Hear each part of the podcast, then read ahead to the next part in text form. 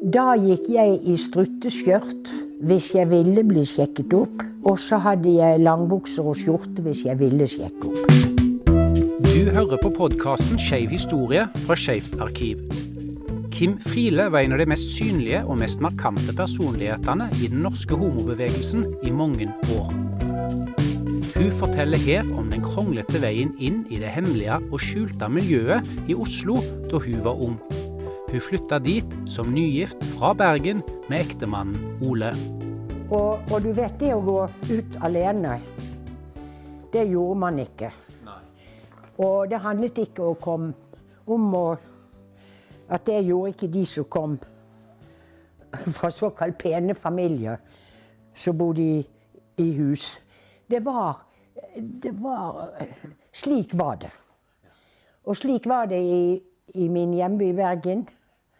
Og slik var det da jeg ble alene i Oslo. Slik at den festligheten som forsvant med Ole, bortsett fra vennskapet som, som besto Men, men den, den, tryggheten Det vil si, jeg tenkte vel ikke over det. Jeg var oppdratt til at sånn skulle det være. Men det er klart at jeg, jeg merket det fordi jeg, den gangen jobbet vi jo syv dager, nei, seks dager i uken. Vi hadde jo ikke fri på lørdag. Vi jobbet frem til klokken to. Og da brukte jo jeg to år på å sitte på denne idiotiske benken ved Nationaltheatret og glane etter homoseksuelle. Det er jo helt komisk å tenke på.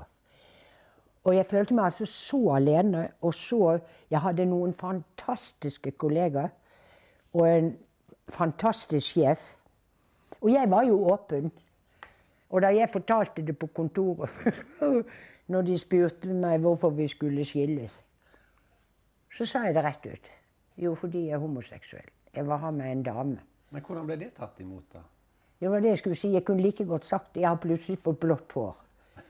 De, ba, de bare så på meg. Å. Ja, men det var jo leit for Ole. Ja, han klarer seg nok. Altså, ja, men det var et utrolig arbeidsmiljø. Men, men den, når du da hadde kommet i kontakt med disse Ja, det tok jo lang tid, vet Ja. du. Men jeg rekte omkring eh, Jeg rekte omkring alene. Ja. For du skjønner, når lørdagen kom, så visste ikke jeg hvordan jeg skulle rett og slett overleve. For én ting var Jeg bodde, jeg hadde leilighet ute på Jan.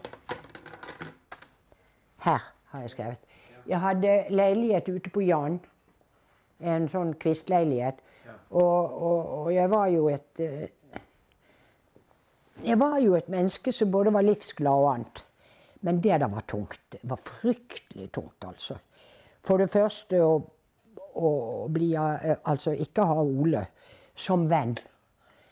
Eh, og så var det det at da han var ferdig med sine studier, så var vennekretsen også ferdig.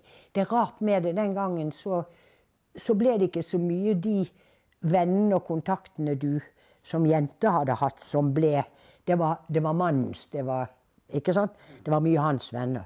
Og her var det jo helt rimelig, for jeg flyttet jo til Oslo fordi Ole studerte. ja, Så du fikk arbeide mens han studerte? Ja. Ja. Nettopp. nettopp. Men så var vi jo veldig tidlig klar over at det ble skilsmisse. Men vi fant ut vi skulle bo sammen til Ole var ferdig med studiene. For det var veldig dyrt å ha leilighet eller ikke bo på hybel. Det var ikke lett å få tak i heller. Ole hadde bodd på, på Blindern studenthjem. Eh, Men det var jo ikke mulig etter et halvt år eller sånn å få noe sånn hybel der tilbake.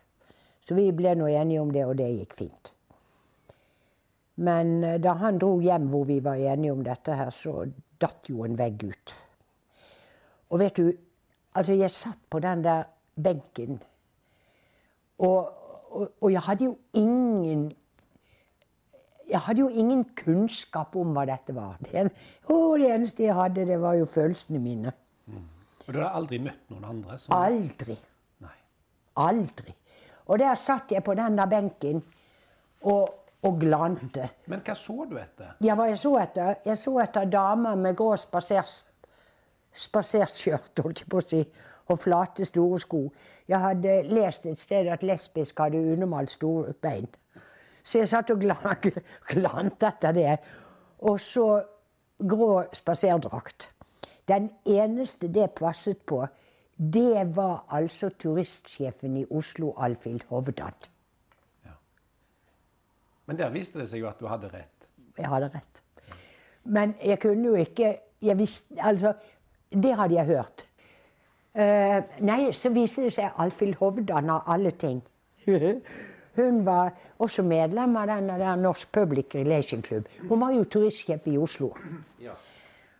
Og, og, og en, en gang det skulle være møte Nei, det var ikke det som skulle være der. Det var et eller annet annet. Hvor min sjef ville ha meg med. Eh, og det skulle skje på Astoria hotell, som lå rett overfor Metropol.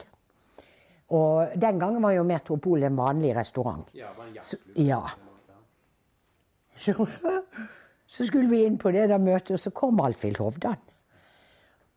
Og, og jeg tenkte jo mitt, vet du, for hun hadde grått, skjørt, grått spaserskjørt. Og, og jeg er ikke sikker på om hun hadde så veldig store ben, men hun Og så hadde hun jo helt sånn sveis som du har. Og så presenterte Os meg for hva jeg nå sa, dette er sekretæren min, sånn og sånn og sånn. Og hun tok hånden min. Å, ja, det gleder meg, sa hun og ristet. Og så, sier- så sier Os Ja, jeg ser det, Alfhild, sa han. Så, så hun merket Altså hun så det på deg òg, tror du? Nei, jeg tror bare hun syntes jeg var søt. og jeg mener, hun var jo Altså, hun, hun var jo ikke kommet ut av skapet, men altså Det, det var jo det samme som med Per Aabel. Jeg mener det at eh, Det var jo helt idiotisk å gå rundt og, og, og tro at vi andre ikke skjønte saker og ting. Så dum var vi jo ikke i hodet. Men, men det, var, det var ganske artig, altså. For det viste seg jo. Men var det da, vil det si at det, hun var det første møtet du hadde med en annen lesbisk? Ja, det må, Ja. Det må, det må ha vært det. En så, jeg visste jo ikke det.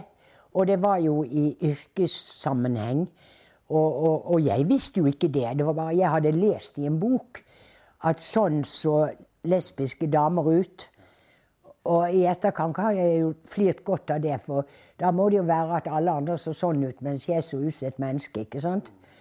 Uh, så dette er jo en tilfeldighet. Men, men hvis du spør meg hvem var den første lesbiske du traff, ja, da må jeg antagelig si det viste seg i ettertid. Og du skjønner, når jeg kan si det, at det viste seg i ettertid, så var det fordi eh, Fordi eh, min aller første eh, hva skal vi si, alvorlige kjæreste, som var venn av Wenche og meg til hun pustet ut sine siste dager. Da var jeg sånn hjelpeverge for henne. Eh, Kari Storm. Hun var i grunnen Norges absolutt aller første åpne lesbe. Hun var Hun, var, hun eh, var vokset opp i Nittedal. Og hun eh, hadde en veldig god stilling til slutt i ligningsvesenet. Oslo ligningsvesen. Jeg traff henne i 1966, vel. Da kom altså jordens flotteste jente spaserende inn på Snarøya, hvor vi holdt til. Jeg trodde jeg skulle dåne, altså. Veldig pen. Og, og, og, og, så, kom hun, så kom hun og spurte om jeg ville danse med henne, og jeg var jo helt henrykt. Og så sa jeg jeg har ikke sett deg før. Og så sier hun nei, men jeg fikk, jeg fikk beskjed at det var kommet spesielt én pen ny dame her ute, så derfor så kom jeg, sa hun. Og, og hun var jo altså Men hun hadde jo et forhold. Og det var ikke noe spøk. Hun hadde et veldig bra forhold til en annen dame som ikke var ute av skapet. Og de holdt sammen, altså. De hadde riktignok på sine gamle dager hver sin leilighet. Men de holdt faktisk sammen i 50-60 år. Det er helt unikt. Men Kari Storm var åpen. Hun var aldri eh, åpen i organisasjonsmessig og alt mulig sånn. Men hun var åpen på ligningskontoret. Hun var åpen hjemme i Nittedal, eh, hvor hun vokste opp. Og hun var født altså Nå skal vi se, når var hun født, da? Wenche var født i 26, Kari var født i 23. Men hvordan tror du det ble tatt imot i på en måte de, altså, Som du sier, åpen på ligningskontoret og åpen i familien. På ligningskontoret gikk det veldig bra. Ja. Alle visste hvem Kari Storm var. Flott jente. Alle visste hvem hun var. Og, og hennes far var ingeniør. Maskiningeniør, tror jeg han var. Han var gått bort da jeg traff Kari, men, og moren var gått bort. Men hun hadde altså dette kjærlighetsforholdet, da. Men eh, det kunne jo ikke forhindre at jeg falt for henne. Og det var jo veldig trist, da. Men da fikk jeg min ilddåp. Man får det ikke alltid som man vil det her i verden. Eh, men i hvert fall eh, tilbake til Alfhild Hovdan. grunnen til at jeg fikk bekreftet det læreboken hadde lært meg, og som kunne vært noe veldig sprøyt, det var at Kari var et utrolig motig menneske. Og om hun hadde hatt Alfhild Hovdan som skattyter på sitt kontor, det har jeg ikke peiling på. Men det jeg vet, for hun fortalte meg det, det var at hun i sin fortvilelse over å ikke finne noe miljø og, og, i det hele tatt få etablert seg. Hun hadde råket borti noe, men det ja. Så oppsøkte hun Alfhild Hovdan. Det var jo motig. For det betyr jo at hun At hun på en måte, i hvert fall fire øyne, outet Alfhild Lovdal. Men hun hadde tatt veldig blidt imot henne. Og da hadde hun sagt noe sånn som Bare ta det med ro, Kari. Du finner nok en kjæreste, du òg. Og det gjorde hun jo, da. For dette var vel på ja, begynnelsen av 50-tallet. For det har jeg funnet meg. Og da, vet du, da, da skjønte jeg det. Men det var jo ikke noe man gikk rundt og Man, man outet ikke selv om vedkommende selv var forholdsvis åpen. ikke sant? Men, men hvordan, hvordan, fant du fram til denne første altså du var, først, var, det, var det først fest du var på Ormsund på roklubben? Var det første gang? Ja, det var første gang. Hvordan fant du ut at Jo, det skal jeg fortelle deg. Det var lørdag. Jeg husker det som det var i går. Og, og, og jeg satt på denne her benken. Utenfor Nasjonal? Ja. ja. Og så kommer da en, en dame, eller Det var litt vondt å se om det var dame eller mann. Hun hadde Ja, det var litt vondt å se. Men jeg tok det for gitt at det var en dame. Jeg hørte det på røsten. Men hun var veldig maskulin. Kledd. Men til det må jeg bare med en gang si at da jeg endelig kom meg ut i det miljøet ute på Det var på Det var på Åmsund. Da gikk jeg i strutteskjørt hvis jeg ville bli sjekket opp. Og så hadde jeg langbukser og skjorte hvis jeg ville sjekke opp. Det var kjønnsrollene. Altså, så innpodet var vi. Så, så de ble automatisk adoptert i det miljøet? Ja. ja. Vi, vi, vi, hadde jo ingen modeller. Altså, vi hadde mor og far. Sånn. Og hvis vi ville være far, så fikk vi kle oss som far. Og hvis vi ville være mor, og far skulle gjøre kur til oss, Altså en dame i langbukser og alt mulig sånt, ja, da satt man i strutteskjørt. Så verden har gått fremover. Men jeg satt der, og så kom dette damemennesket. Og så kom en som senere viste seg å, å være ikke Rolf Løvås, som var stifter, eller som var førstesjef i Forbundet 48, men en bergensmann, jurist, som var i skapet hele sitt liv. Eh, så selv om han er outet litt sånn innimellom, så vil ikke jeg gjøre det. Veldig kjent bergensnavn. Og veldig feminin. Og, og, jeg satt der, vet du, og, de sto og, og kaklet der. Og så tenkte jeg jeg følger etter de. Altså, det gjør jeg om jeg så skal reise til Ja. Og så begynte de å gå nedover uh, Stortingsgaten. Og jeg fulgte etter. På anstendig avstand. Og så gikk de eh, Gikk de rett til Østbanen, eller var det da de gikk inn på Original Pilsen? Nei, de gikk nok rett til Østbanen. Og jeg gikk til Østbanen. De gikk på toget, jeg gikk på toget. Og uh, så gikk de av på Bekkelaget, og jeg gikk av på Bekkelaget. Og så gikk de ned til den roklubben. Ormsund roklubb.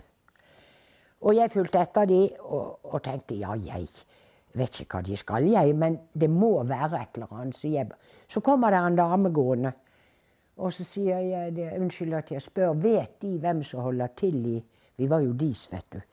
Vet de hvem som holder til i Ormsund? Nei, men det er sikkert bare å banke eller ringe på døren. Og jeg ble jo så optimistisk. Ja. Og så gjorde jeg det. Og så ble døren åpnet, og så presenterte jeg meg, og så ble døren smelt igjen. Og da, og da brukte du ditt eget navn? Ja. Og, ja. og det var livsfarlig, vet du. Ja.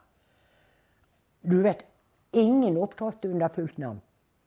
Det gjorde du på medlemssøknaden din. Og den ble jo Gikk i hvelvet med all slags hemmelige greier, vet du. Så, og så gikk jeg på Jan stasjon. Jeg bodde på Jan. Så det passet jo i grunnen helt OK, det. Så jeg gikk opp på Jan stasjon, og da husker jeg storgråt. Altså. Da satt jeg utenfor Jan stasjon på en benk og grein, altså. Jeg var helt oppgitt. Og jeg hadde ikke telefon hjemme. Uh, så jeg tenkte jeg ringer ned. Så ringte jeg, så slo jeg opp i telefonkatalogen, og så ringte jeg ned, og så kom det en manns røst. Ja, Du ringte ned til Rokan? Ja. Og presenterte meg. Og sa jeg ville bare så gjerne vite hvem som Så ble bare røret lagt på. Det var helt håpløst. Og da var gode råd dyre. Men det jeg gjorde det var, det var at jeg tenkte OK, jeg har ikke så god lønn. Selv om den er bedre enn den jeg hadde i Bergen. Men dette orker jeg ikke mer. Jeg hadde da funnet på toget mellom Oslo og Bergen. Eh, jeg hadde vært hjemme hos min mor og far, og på vei tilbake, tror jeg det var. Så lå der på togtoalettet et blad. Jeg vet ikke om det var Vi menn, eller hva i all verden det var. Nei, det kan ikke ha vært Vi menn, men det var et sånt magasin som jeg aldri kjøpte. Og, det lå nå der. Og så vet du hvordan det er. Du Jeg vil ikke ta i det, men jeg satt nå sånn. Så plutselig så var det en annonse der. Og den tror jeg var for Six bladsalg. Magne Severinsen. Han holdt til i uh, Skippergaten. Ved siden av en emissær, for øvrig. Og den emissæren var jo ikke ved siden av fulle fem. Men i hvert fall, nede i Skippergaten opp en eller annen etasje holdt Magne til. Og der solgte han EOS og, og disse danske homobladene. Og, og, og da gikk jeg vel opp til ham, tror jeg. Eh, og han sa da at det fins en organisasjon her, sa han, som heter Det norske forbundet av 1948, men jeg er blitt ekskludert. Ja, hvorfor det, da, sa jeg. Jo, fordi at jeg er delvis åpen, sa han. Eh, jeg er ikke åpen i aviser og sånn, men jeg går rundt og selger disse bladene på utesteder jeg vet at, at uh, homofile befinner seg. Vi sa jo ikke lesbiske den gangen. Og jeg var nå visst den eneste på kloden som sa homoseksuell. For jeg sa det er jo det seksuelle som er undertrykt. Det er jo ikke at du har brune øyne eller kommer fra Bergen. Men det er nå så. Han, han, sa det. Så sa jeg ja, Ja, hvordan finner jeg frem? Nei, vet du, jeg vet ikke hvor de holder til nå, sa han. Og så er det jo det at du må ha et medlem som garanterer for deg. Ja, men hvordan i all verden skal jeg kunne få noen til å garantere for meg når jeg ikke kjenner noen og er på jakt etter Ja, nei, jeg kan ikke hjelpe deg, jeg sa. Dessverre. Og så tenkte jeg OK, jeg har ikke noe god råd. Men han hadde da fortalt meg om denne Admiralkroen i København. Så tenkte jeg jeg reiser. Jeg reiser. Og det gjorde jeg. Kjøpte meg en halv akevitt, vet du, og til Og den kjøpte jeg jo eh, Enten kjøpte jeg den på Strøk, eller jeg kjøpte den på danskebåten. Og så tok jeg en på Misjonshotellet i Istegate. Oi, oi, oi. Og så tok jeg meg en pillehytt og spiste medbrakt på hotellrommet, og så gikk jeg aleine. Over Rådhusplassen og ned det som ble kalt Pisseranden. Ned mot Nyhavn. Og nedi der lå Admiralkroen. Og det var jo som å komme hjem, altså. Men husker du liksom, hva, hva så du når du Ja, jeg husker det. kom inn der? Jeg har en veldig unormalt god hukommelse. Ja, jeg husker det. For det første så husker jeg han, han som sto i døren. Han så ut som han hadde en vissen blomsterbukett på hodet. Men det var bare den der parykken. Det var noen tilnærmet det flotteste du kunne få tak i den gangen. Men den så helt Ja. Og han nærmest neiet, ikke sant. Det var en sånn skrulle i døren. Og, og jeg husker ikke hva jeg hadde på meg, men jeg gikk nok kanskje i skjørt, tror jeg. Vet du hvilket år dette var? Det vet jeg hvilket år dette var, for jeg fant Det må ha vært i Det må ha vært i 1962. Ja. Det har vært august-september 1962. Og så kom jeg der, og, og jeg ser det for meg. Det, det var inn, og på høyre side var bardisken. Og så var det mye eh, bord og folk som satt og kaklet, og mange damer. Eh, noen eh, var alminnelige damer, og noen var veldig sånn herrekledd. Og, og du skjønner, jeg følte meg jo allerede den gangen som en gammel jomfru, vet du, så jeg tenkte det at nei, nå må jeg altså. Jeg må jo vite hvem jeg er, jeg må jo få det bekreftet. Og da er det århundrets mest komiske historie som oppstår. Men jeg husker henne godt, og hun hadde en skjønn sønn. Og så Jeg kjøpte trompet Nei, jeg kjøpte gitar til sønnen da jeg kom tilbake til Oslo. Nok av det. Jeg traff, traff en dame, hun het Grete til fornavn. Veldig maskulin, veldig pen. Hun var norsk, eller? Nei, hun var dansk. Hun var dansk, ja. Og, og jeg gjorde meg jo så søt jeg kunne, og gjorde meg til og alt, så Hun spanderte noen drinker på meg og sånn. Og, og hotellet mitt var jo i Gistegate. Og det var kjent som et strøk for litt ja, lettere fugler. Men det var misjonshotell, og det var billig. Og så sier hun til meg det, ja, men jeg kan følge deg tilbake på hotellet. Ja, vil du det, da, sa jeg. Prøvde å gjøre meg til. Ja, ja, det vil jeg, skulle sa hun. Ja, ja, om du ikke vil være med meg hjem, da, sa hun. Jo, men hvor bor du? Nei, jeg bor sko også i Istegate, sa hun. Å, hjertet mitt hoppet, vet du. Så inviterte hun meg hjem, og det var helt greit, det. Hun hadde en skjønn sønn.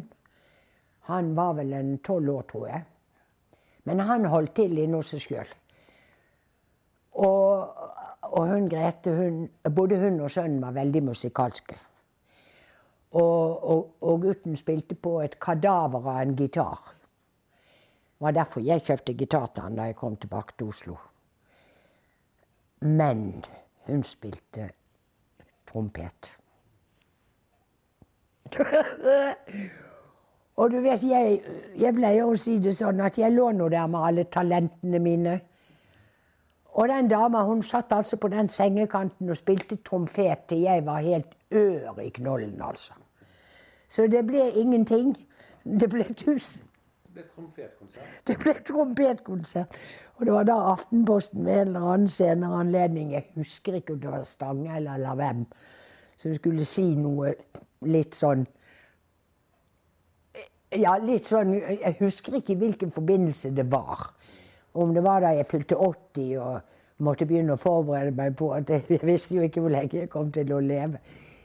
Jeg husker det ikke, jeg bare husker at det sto 'Jeg håper at hun blir fulgt av en trompetsolo', eller et eller annet sånt. Og det var jo fordi jeg har jo fortalt noen denne historien her. Jeg syns den er fornøyelig. Ja. Uh, og så reiste jeg tilbake. Jeg hadde jo jobb i Oslo, jeg måtte jo bare komme meg hjem. Ja. Så du var der bare den ene kvelden? Ja, ja jeg var der en weekend. Ja, ja. Så dro jeg hjem. Men så på båten så satt det oppe i restauranten Jeg var nokså fort opp. Der satt det en gammel gris i et hjørne. Jeg så med en gang han var en gammel gris. Ja. Men så satt det to, to gutter ved et bord. Ja, de var altså så søte. Nei, de var så søte. Den ene var dansk. Han het Mogens. Han hadde store ører og lite hår, men så pen. Og den andre het Ola. Og det var jo ikke snakk om på 60-tallet for disse å, bli, å være åpent, så jeg sier ikke noe etternavn. Spiller ingen rolle. Mogens øh, var frisør, holdt til på Lysaker. Og Ola tror jeg jobbet i eldreomsorgen. I hvert fall.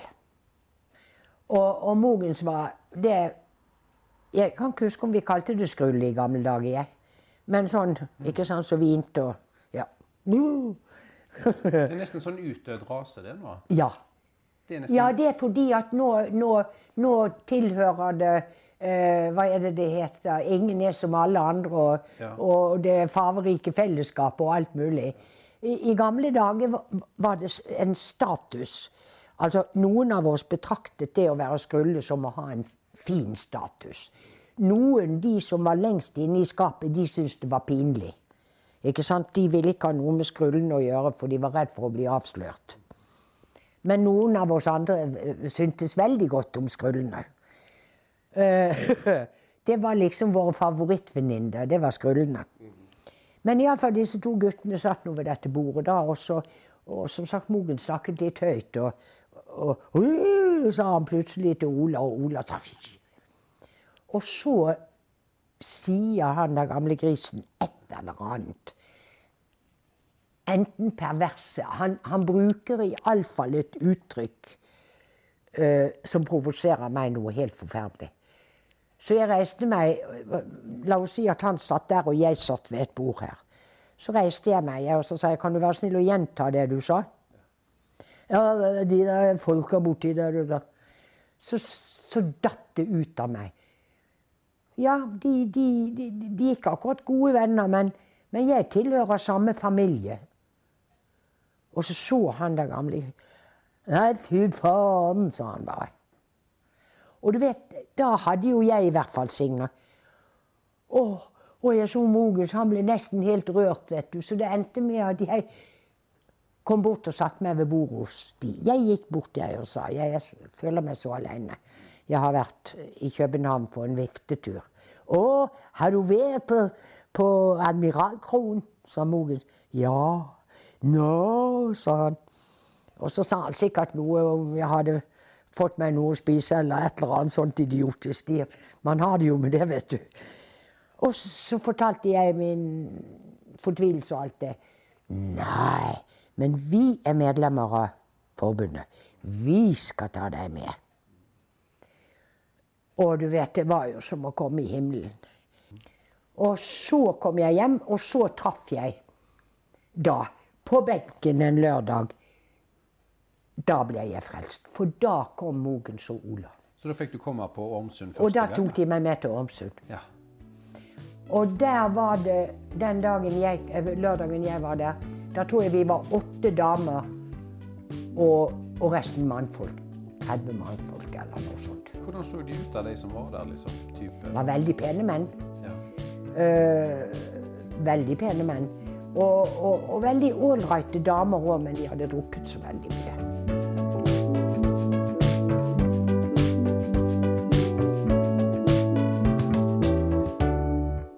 Du har hørt på podkasten Skeiv historie fra Skeivt arkiv ved Universitetet i Bergen.